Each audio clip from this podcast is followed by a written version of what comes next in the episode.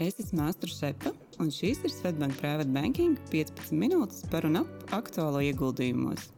Katru piekdienu kopā ar kolēģiem un arī viesiem apspriedīsim karstākos jaunumus finanšu tirgos un labklājības veidošanas tēmās, lai aizraujoši klausīšanās.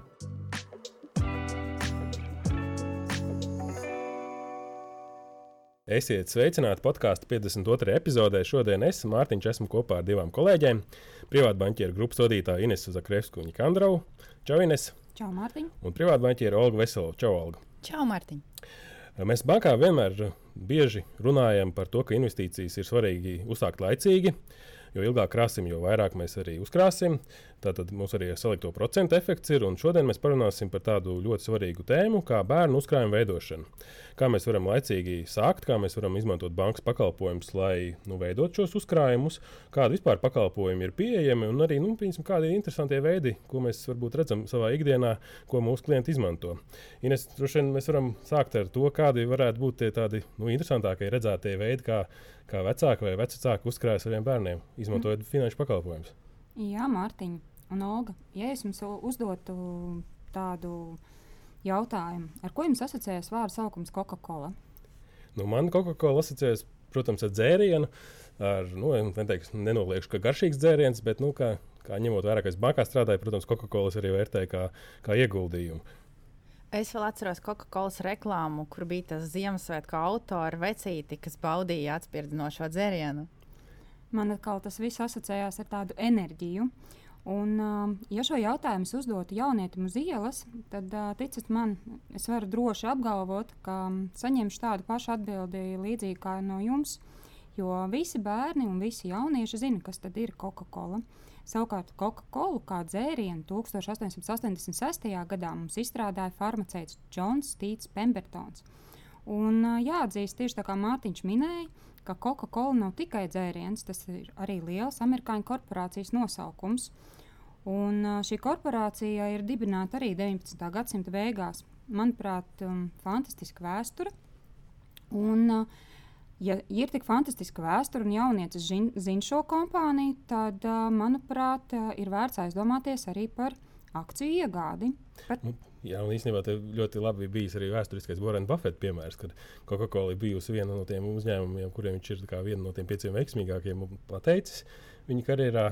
Un, cik es saprotu, mēs varētu arī rosināt, kad bērni bērnībā iegādājas šādu akciju.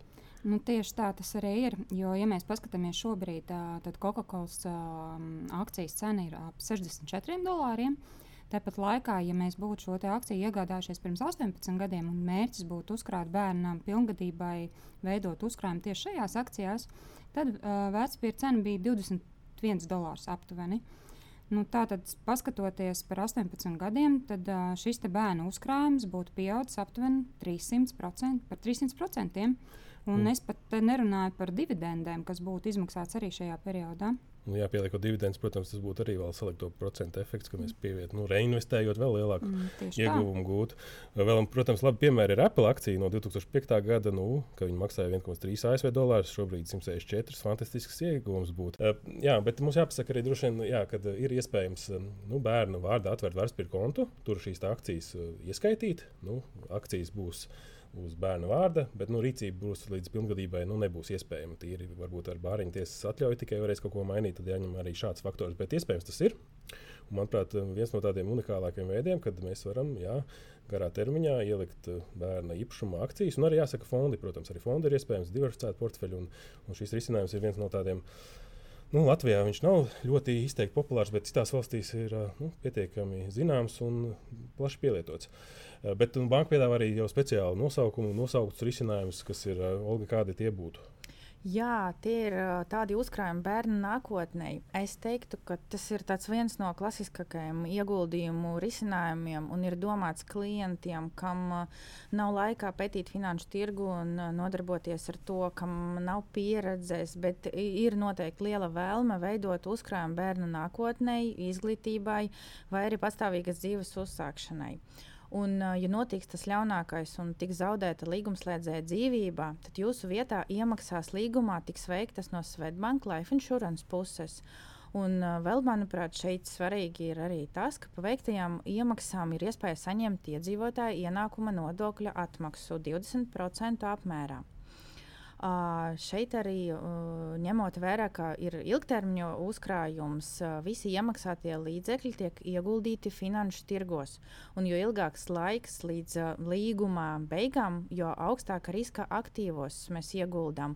Un līdz ar to ir arī lielāka peļņas iespējām. Bet, tuvojoties līguma termiņa beigām, ieguldījuma stratēģija kļūst uh, arvien konservatīvāka, lai svārstības portfeli būtu mazākas. Uh, Nu, kā piemēru varu minēt, ja bērnām kopš dzimšanas eh, veidot uzkrājumu ar eh, regulārām iemaksām, 100 eiro mēnesī, tad prognozējums uzkrājums bērna pilngadībā ir no 29 līdz pat 35 tūkstošiem eiro, kas ir eh, gana pietiekami, lai sektu studiju maksu vai pirmo iemaksu dzīvokļa iegādēji. Um, vēlējos arī pieminēt, ka uzkrājumu bērnu nākotnē var pārveidot par privāto portfeli, kas arī ir uzkrājušās dzīvības apdrošināšanas produkts.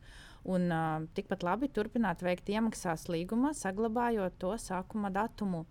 Uh, jebkurā gadījumā, ja ir jautājumi, droši var griezties pie sava privātbankiera, kurš noteikti palīdzēs piemeklēt to atbilstošāko risinājumu. Nu, arī jāsaka, arī, ka Svetbāngas mājaslapā ir šie kalkulatori, kurus varat pareiķināt. Eh, cik gadi ir līdz pilngadībai un kādu summu regulāri iemaksājot, un nu, orientējoties scenārijā, kādus iegūmus, eh, nu, cik daudz varētu uzkrāt. Eh, vēl jāsaka, ka nu, pakalpojumiem ir divas komponentes. Viens ir šī apdrošināšana, kas ir, un otrs ir uzkrājums.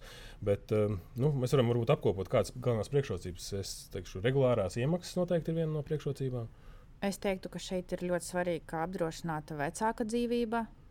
Nu, man gan uzrunā tas, ka šo, šo uzkrājumu arī var veidot regulāri un arī ļoti brīvi papildināt, un bērnu uzkrājums tiek ieguldīts finanšu tirgos. Nu, nodokļu atvieglojumu arī tas būtu. Jā, un papildināt šo uzkrājumu var gan vecāks, gan arī jebkurš tuvinieks. Jā, bet mēs jau pieskaramies privātam portfelim, kas arī dzīves apdrošināšanas nu, pakalpojums, arī tāds tā kā portfelis, ar ko tas raksturojas. Nu, privātais portfels visbiežāk tiek izmantots arī mūsu klientu vidū, jo šis uzkrājums arī tiek ieguldīts finanšu tirgos. Viņš tiek ieguldīts ir pieejams uh, piecas stratēģijas. Pēc izvēles no konservatīvās līdz pat um, aktīvākai un agresīvākai.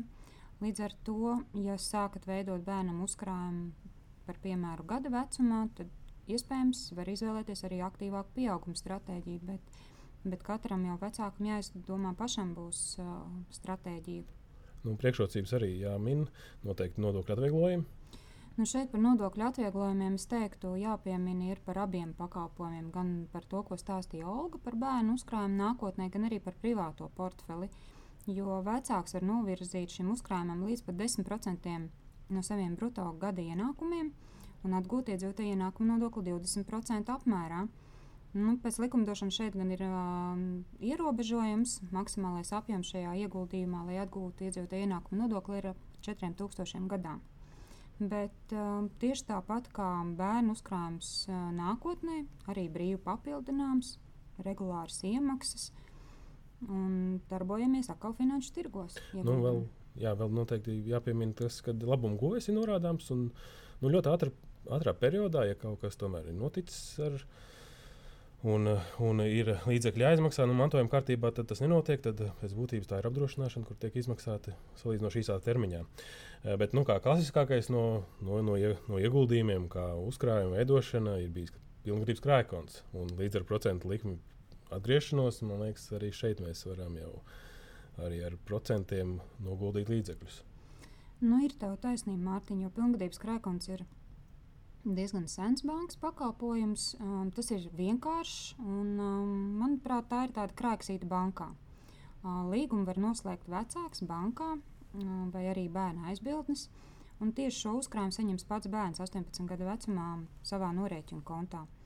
Un šeit arī var veikt vienreizējas vai regulāras iemaksas gan vecāki, gan vecvecāki, krustvecāki.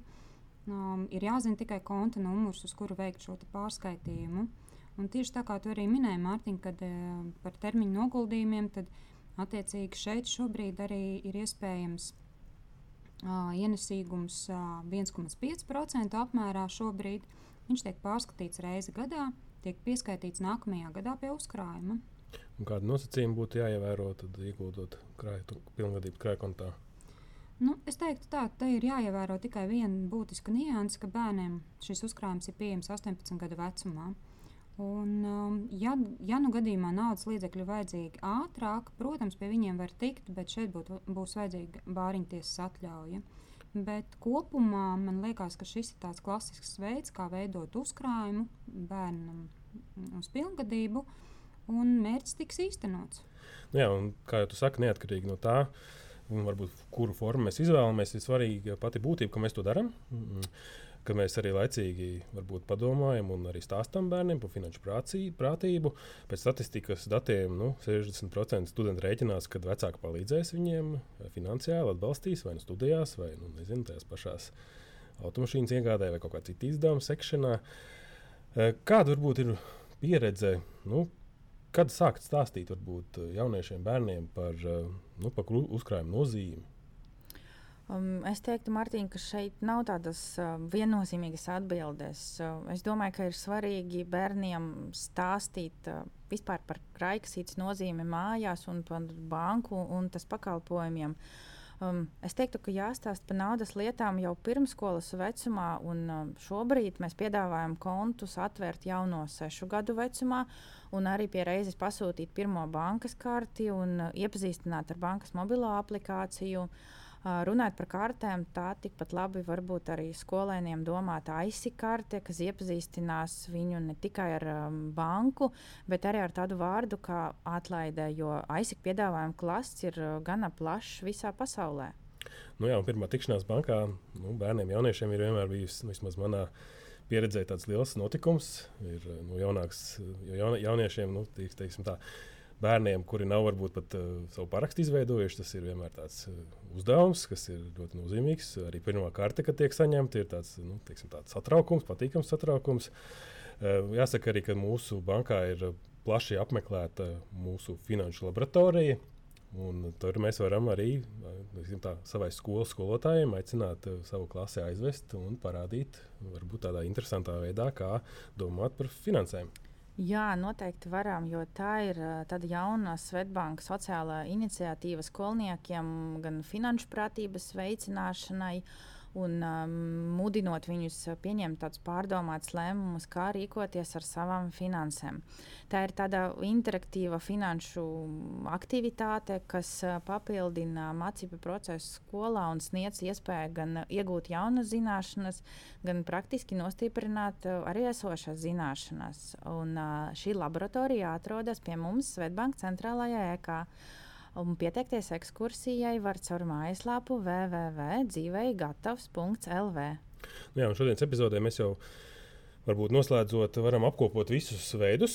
Eh, secinājām to, ka galvenais, protams, ir veidot uzkrājumus, un to var izdarīt dažādi. Nu, neapšaubām arī varam vienkārši krāt kontā, bet nu, no tāda varbūt uzkrājuma pieauguma viedokļa tas nebūtu prātīgākais ilgtermiņā. Uh, varam nu, vecāks uz savu vārdu veidot vērtspapīru uzkrājumu, ieguldīt pats, izvēlēties akcijas konkrētas vai fondus. Vēl kāda risinājuma mums tad pieminētie bija? Vēl var izvēlēties kaut ko klasisko, piemēram, kā uzkrājuma bērna nākotnē, kur pārvalda bankas eksperti. Un es vēl joprojām, man ļoti patīk privātais portfels, tieši tāpatās kā mūsu klientiem. Un uh, pilngadības krājkonts ir arī gan labs risinājums, jo mēs krājam Un tas ir pats galvenais, jo ātrāk mēs sākam krāt, jo tas ir ilgtermiņa ieguldījums un mēs sasniedzam savu mērķi. Nu jā, un arī vēl tad risinājums ir, ka mēs varam uzdāvināt vai pārskaitīt uz bērnu vērtspapīru kontu kādu veidu akcijas vai fondus. Šī gadījumā tas varbūt būs arī ierobežots līdz 18 gadiem. Nebūs iespēja rīkoties, bet nu, iepazīties ar finanšu tirgiem. Varbūt uh, jau laicīgi pastīties, kā akcijas svārstās, kā uzkrājumi nu, pieaug un varbūt arī kaut kādos brīžos pakrītās, un tādā veidā jau gūt nu, finanšu prātību un arī informāciju un zināšanas par finanšu tirgiem. Teikšu jums šodien paldies par sarunu un tiekamies nākamajās reizēs.